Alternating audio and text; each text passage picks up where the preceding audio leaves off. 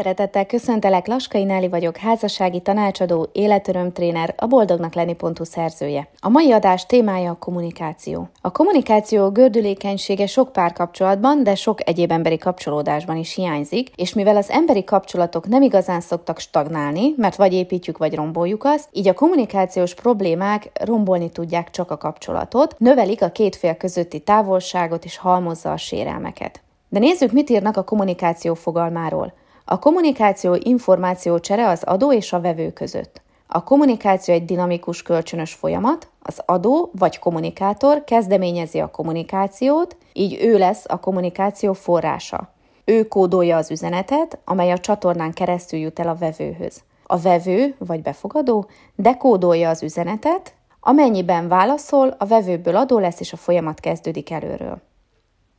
És most nézzük meg, hogy mit ír Dale Carnegie a kommunikáció fontosságáról. Minden vitát megnyersz, amit el sem kezdesz. Számos vitát el lehet kerülni azzal, ha nem akarjuk lenyomni az igazunkat a másik ember torkán, vagy képesek vagyunk az ő nézőpontját is figyelembe venni, ugye? De sokat segít az is, ha sikerül tényszerűen, vagy a mi érzéseinkre támaszkodva megfogalmazni a problémát és a megoldásra fókuszálni. George Bernard Shaw szerint a legnagyobb baj a kommunikációval az az illúzió, hogy létrejött. És mennyire igaz is ez? Sokan hiszik, hogy azzal, hogy kimondanak valamit, már jól kommunikálnak. De sajnos ez nem mindig van így.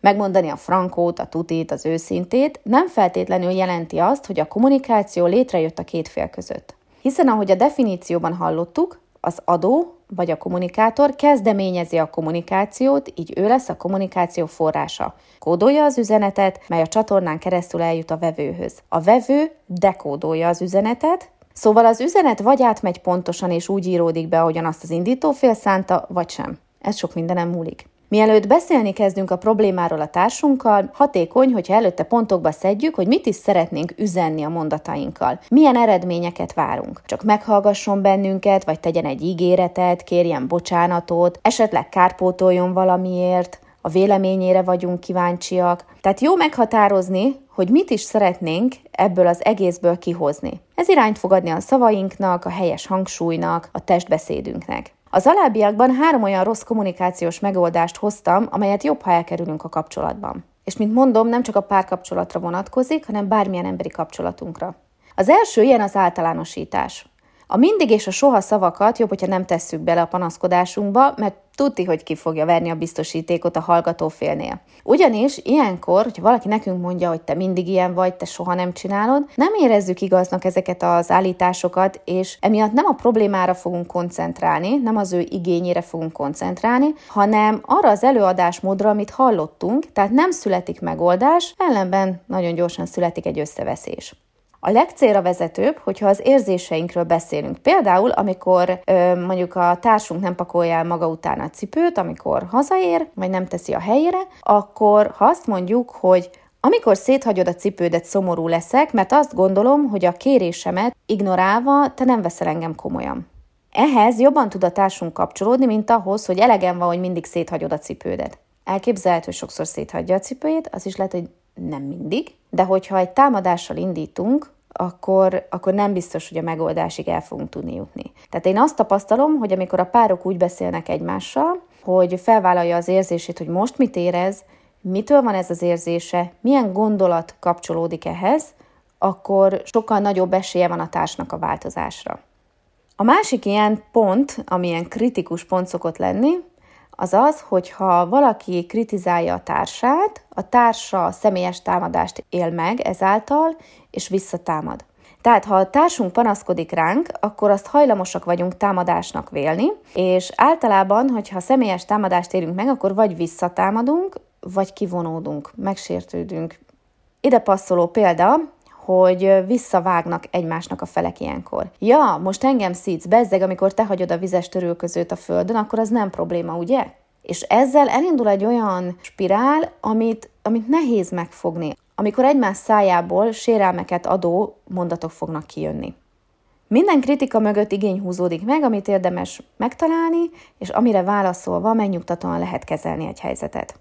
Hogyha valaki azt mondja a társának egy adott szituációban, hogy te csak magadra gondolsz, te mindig csak magadra gondolsz, ezzel ugye lehet tetézni, akkor ehelyett mondhatnánk azt is, hogy szomorú vagyok, vagy dühít, hogy engem nem kérdeztél meg a vásárlás előtt. Szívesen elmondtam volna a véleményemet, és akkor nem érezném azt, hogy nem vagyok fontos tényező a közös életünkben. Ehhez lehet kapcsolódni, hogy nem akartalak kirekeszteni, sajnálom, másképp fogom csinálni, de ha csak annyit mondok, hogy te mindig csak magadra gondolsz, és nekem ebből elegem van, akkor valószínű, hogy meg fogja védeni magát a társam. A harmadik fajta romboló kommunikáció, amit most kiemeltem, az a lekezelő kommunikáció. Lassan nyírja a kapcsolatot, de tényleg kinyírja, ha valaki nem tiszteli a társának a véleményét, vagy gondolatait, vagy az érzéseit. Ismerős lehet számodra is a helyzet, hogy mondasz valamit a társadnak, ő meg vagy legyint egyet rá, vagy gúnyosan és lenézően válaszol. Lehet, hogy nem a mostani párkapcsolatodra jellemző, lehet, hogy egy régebbiben. Ilyen mondatok tartoznak ide, mint hogy te annyira hülye vagy, hogy még ezt se tudod? Vagy ne szólj bele, te ehhez nem értesz.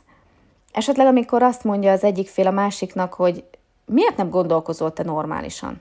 Ezek mind olyan lekezelő mondatok, ami sérelmeket okoz a másik félben. Ne a személyt támadjuk, ne értékeljük le a másik embert, hanem a témát akarjuk körbejárni, és a problémára akarjunk megoldást találni. Hogyha ezzel az alapattitűddel vagyunk benne, akkor a kommunikációnk is ezt fogja követni. A kommunikáció fontos kapocs két ember között, ebben megegyezhetünk, nagyon gyorsan le tudja rombolni a kapcsolatot, de helyesen használva szárnyakat is tudunk adni a kapcsolatunknak. Arra biztatlak, hogy mi hamarabb sajátítsd el a pozitív kommunikációs technikát, hogy meg tud tartani a párodat, a kapcsolatodat, és hát nem utolsó sorban jól érezzétek együtt magatokat.